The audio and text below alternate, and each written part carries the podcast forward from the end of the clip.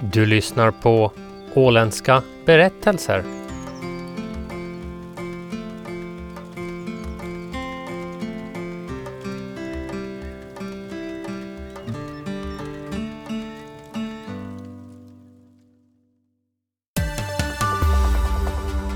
Det sjunkna skeppet MS Irma som försvann i åländska vatten 1968 har hittats. När de for sen ifrån oss, det var ju hemskt sent på kvällen, så sa Mirja en sån konstig sak som jag funderar på sen efteråt. Att Hon ligger på 43 meters djup, cirka 23 sjömil ut på norra Ålands hav. att det, här, och det var roligt att de kunde komma och träffa oss. Att det kan ju hända att, att det inte blir några flera gånger. Det 45 meter långa fartyget var på väg från Klaipeda i Litauen till Raumo och ägdes av en redarfamilj vid namn Grönqvist i Borgå. Vid förlisningen dog totalt åtta personer.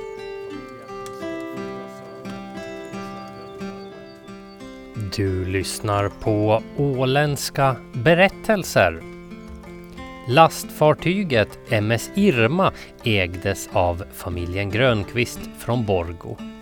I oktober 1968 åker MS Irma till Klaipeda i Litauen för att lasta antracit som ska föras till Raumo. Innan de ger sig av hälsar Mirja och Sten Grönqvist tillsammans med sin tvåårige son Kim på Mirjams barndomsvän Solveig Mörn i Åbo. Det ingen av dem vet är att detta är sista gången de ses. På väg mot Raumo på norra Ålands hav förliser MS Irma och samtliga elva ombordvarande omkommer. Däribland Mirja och Sten och deras son.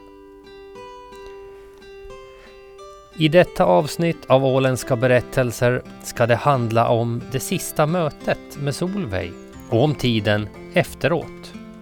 Men vi börjar från början. Solveig växte upp som granne till Mirjas familj i Borgå.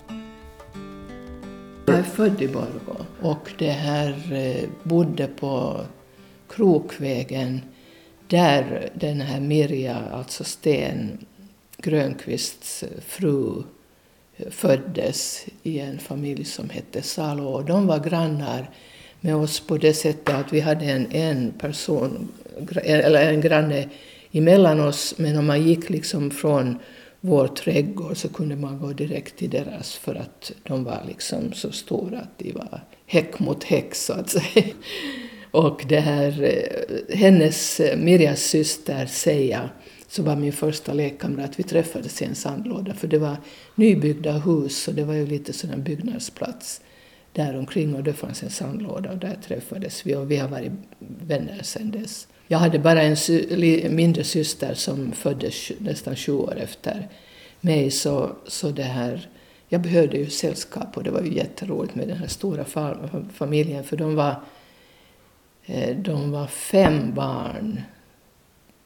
Toivo och Kauko och Leila och Mirja och Seija var den yngsta. Det var henne jag umg- umgicks med och umgås nog ännu när vi har möjlighet. Men vi umgicks med henne också för att eh, när jag hade blivit student sen 65 så började jag studera i Åbo.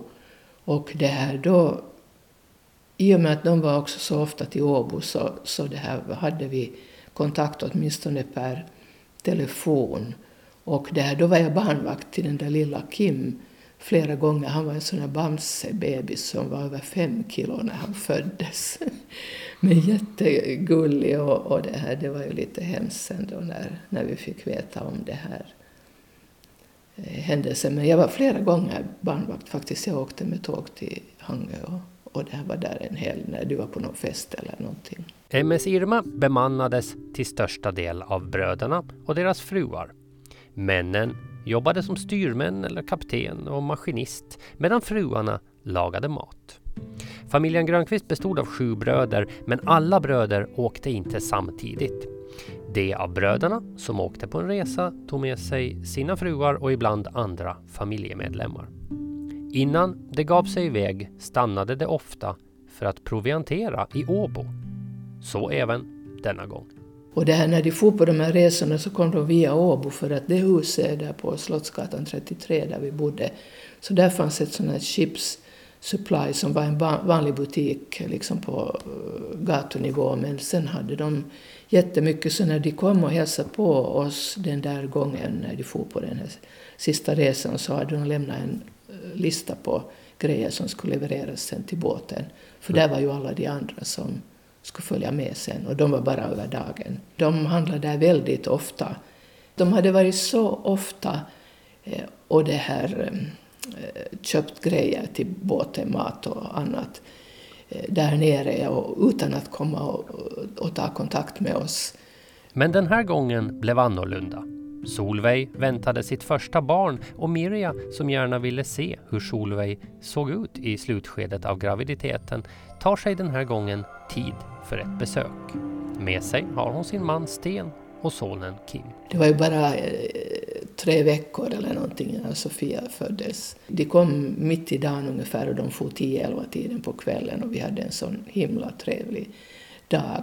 Och i och med att jag väntade barn då så det råkade sig väl att jag inte hade föreläsningar eller någonting eller eh, jag kommer nog inte ihåg, det är ju så himla länge sedan, men i alla fall så var jag hemma och, och min man var också hemma så, så det här då, då kunde vi träffas med dem. De var ju hemskt sociala, Mirja och hela hennes, eh, hennes familj och, och det här.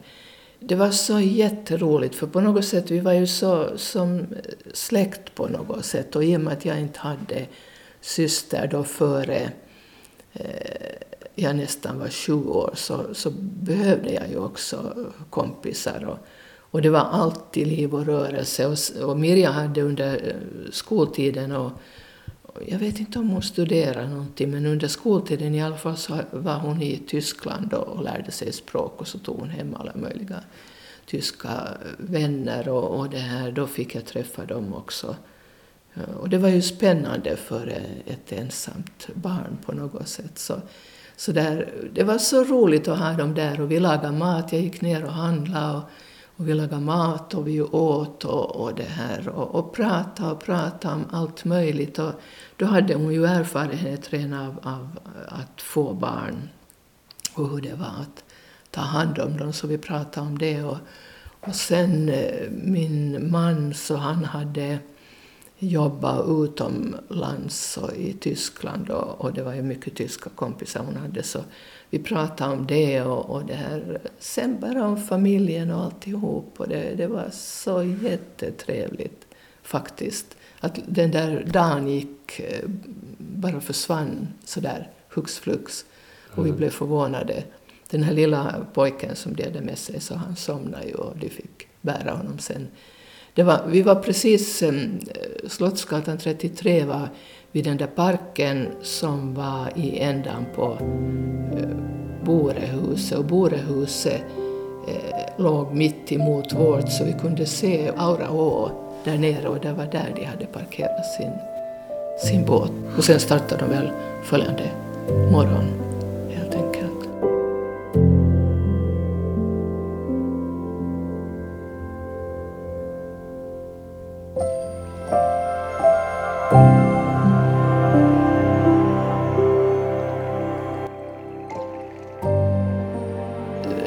for sen ifrån oss, det var ju hemskt sent på kvällen, så sa Mirja en sån konstig sak som jag funderar på sen efteråt, att det kan ju hända att, att det inte blir några flera gånger.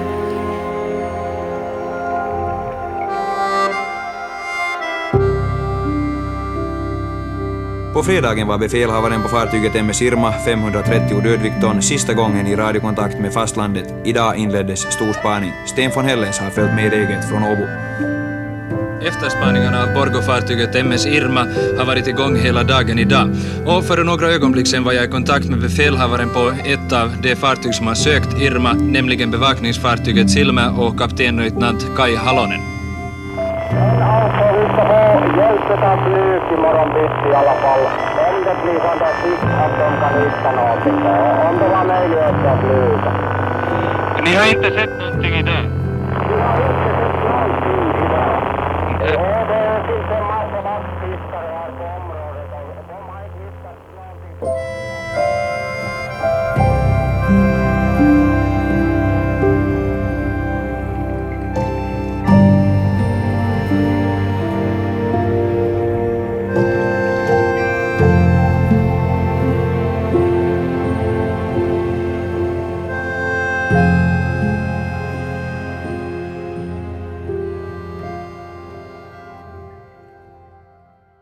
har hade kommit tillbaka härifrån Saltvik och, och det här och lyssnade på radion då i Åbo. Jag fick ju en verklig chock för att de sa namnet på det här fartyget då och då visste jag ju vad det var. Jag tyckte det var eh, förfärligt eh, chockerande. Det var svårt att ta in och, och det här, jag lyssnade ju på alla nyheter från den stunden helt enkelt för att på något sätt få klarhet i vad som verkligen hade hänt. Och sen väntade jag ju att de skulle hittas på ett eller annat sätt ganska fort. Mm. För jag menar, det var ju ändå ett, det var ju ingen roddbåt precis. Så. Och vad som verkligen hände, det vet vi inte än i denna dag. Det vi vet är att MS Irma har lämnat Klaipeda på torsdag eftermiddag och går väster om Åland på väg mot Raumo. Klockan 19 på fredag kväll har fartyget kontakt med mäklaren i Raumo. Enligt Solveig observerades nödraketer utanför Eckerö och senare ses MS Irma norr om Geta av några fiskare. Sedan ingenting. På något sätt så blev jag och väntade att de hittar nog dem. Att det, är eh, det, de har hamnat fel som på en öde ö. Och så ta, på något sätt kan man inte tro att, en, en, att så många människor går eh, försvinner eh, liksom här hos oss. Att vi har ju ändå så pass säkra förhållanden föreställde jag mig. Och sen var jag nog så chockad att eh, kanske den här graviditeten också, det var ju så nära inpå så, så det här att jag, jag, jag, tror inte att jag tog kontakt. Och sen var det ju det, vi hade faktiskt telefon. Men jag vet att man ringde ju inte som vi gör nu, vet du, utan man väntade lite på och sen vi följde med på nyheterna och, och det här. Eh, och jag vet att, att någon, vid något tillfälle så måste jag vara i kontakt med, med Seija om det här men, men det här, jag kommer inte ihåg något annat än förstås att, att de var eh, chockerade lika mycket som, som vi och kanske ännu mera för där var ju den här lilla bebisen och så många av familjemedlemmarna men på något sätt så har jag hela tiden, hade jag hela tiden en känsla av att de väntar att det här ska lösa sig på ett bra sätt. Att ibland fick jag intrycket att de tänkte att den här mannen som hittades i den här nya räddningsflotten, att han var det enda offret. Så, så där. Men det blev ju liksom av tidningarnas funderingar och fantasier.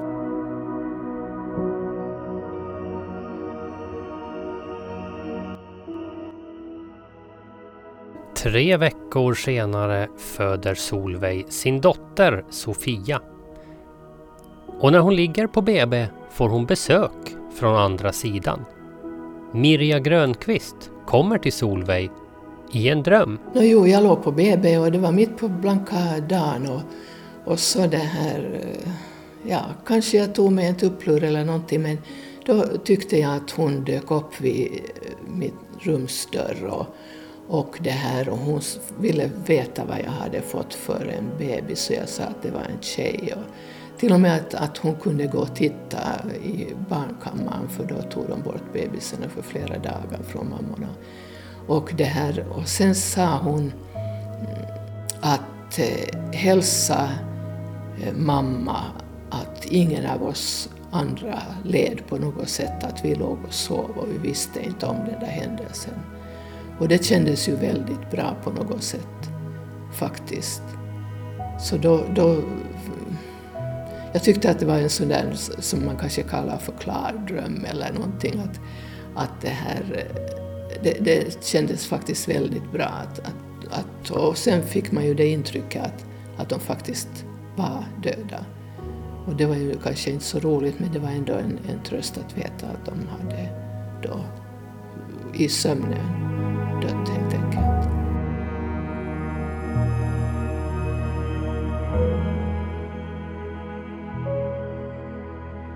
Solveig är inte ensam om att få besök från MS Irma. Mamman till bröderna Grönqvist, Agnes, berättar i en intervju med Ylle att Hans Grönqvist besöker henne natten då MS Irma förliser.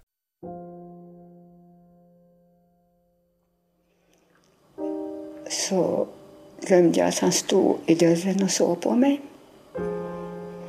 Och jag sträckte ut mina armar och skulle jag, jag låg i sängen. Men han bara såg på mig med en sån där blick att det där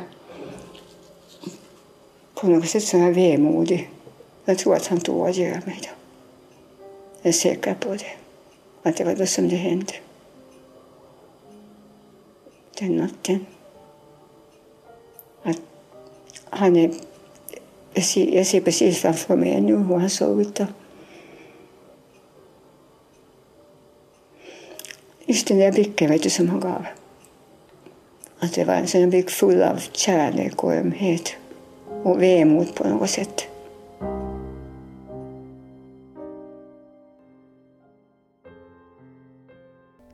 Den 22 maj 2019 kommer så nyheten. MS Irma har hittats. På 43 meters djup, 20 sjömil norr om Åland, nästan mitt emellan Åland och Raumo. Där ligger hon. Och när nyheten kommer, då har redan informationen nått Solveig Mörn. en son som ofta kommer till Åland, Harry Kekkonen heter han, så han hur var det? Det var 14, 14 maj som jag fick reda på det, för jag var i Stockholm och han var i Stockholm, men han visste inte, eller vi visste inte om varann. Men då fick jag ett, ett sms på kvällen att det här, de har hittat Irma. Och eh, jag tog genast kontakt med honom och, och vi pratade en, en, stund. Jag berättade att, att jag var i Stockholm, och så sa han att han också var i Stockholm. Men, men då sa, berättade han var de hade hittat Irma och, och det här. Det var faktiskt 14 maj som han hörde av sig. Och han var ju väldigt förväntansfull över det här faktiskt och tyckte att det var jätteroligt. Det var ju ett framsteg om man tänker på hur länge de har letat, men det var ju det att de har letat på fel ställe helt enkelt. Jag blev jätteglad egentligen, för på något sätt vill man ju ha ett avslut på en sån här sak. Och när så många människor dog och sen när jag har liksom den där drömmen då om att, att eh, de alla skulle vara kvar i sina hytter och jag tänker att om hyttdörrarna har eh, hållit så borde ju åtminstone någonting finnas kvar. Eh, så jag blev nog lite paff när, när det här eh, det kom upp. Eh, när jag, pratade, jag ringde sen när jag kom hem hit till Åland så ringde jag till Seja och frågade om det här och då sa hon att att det här, de hade tittat i den här kaptenshytten men där fanns ingenting utom de här tallrikarna.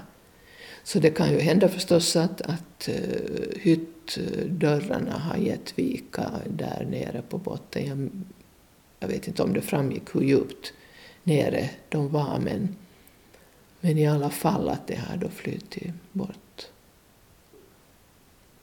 Så det var ju lite tråkigt. På något sätt så har jag tröstat mig med den där tanken att, att man hittar de eh, resterna, för ben håller ju väldigt länge. Teorierna om varför MS Irma sjönk har varit många. Hade hon träffat det 80 meter långa och över två ton tunga plaströr som låg och flöt på Ålands hav? Hade hon gått på en mina eller var det till och med en rysk ubåt som sänkt henne? Hon hade nyligen fått en ny starkare motor. Hade hon haft för hög hastighet i det hårda vädret? Det var ju hela den där, när de hittade det här nu, det var ju spännande för då fick man ju också reda på att de hade tagit en annan eh, um, rutt än, än de brukar göra. Och det, det funderar jag nog säga till exempel just för att de hade bråttom till hennes bröllop så, så tänkte de att, att, och att det var orsaken till att de då hade eh, gått på grund eller någonting, men det får man ju reda på sen när... Det var väl sån vind att de trodde att det hade kommit en stor sjö och det var ganska kallt också då i november, så då hade den frusit den där eh, vågen och sänkt fartyget då. Det var liksom den absolut första tanken. Jag förstod att de tog den här rutten nu bara för att de försökte göra resan kortare, att de skulle vara framme på lördagen i Raumo och den här Sejas bröllop var ju på lördag, eh, lördagen så att de skulle ha hunnit. För nu när de var där nere till exempel mm, och sökte runt det här vraket så hade de hittat alldeles nytt porslin. Och de trodde att, att de här eh, besättningen hade handlat och bröllopspresent åt, åt Seija och, och Toivo. Men det vet vi ju inte sen.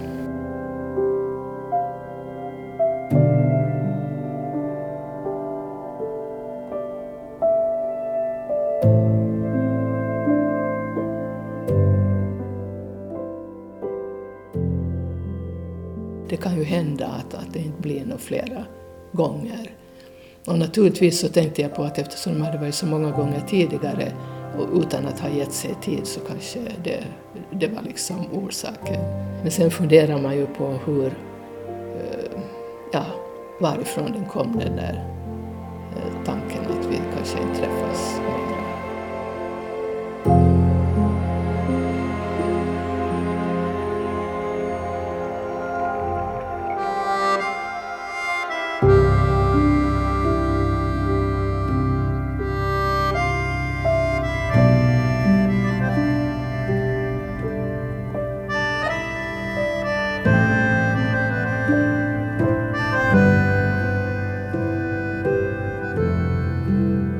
har lyssnat på åländska berättelser om Solveig Mörns sista möte med tre medlemmar ur familjen Grönqvist innan de steg ombord på MS Irmas sista resa. Jag som gjorde programmet heter Peter Grönholm.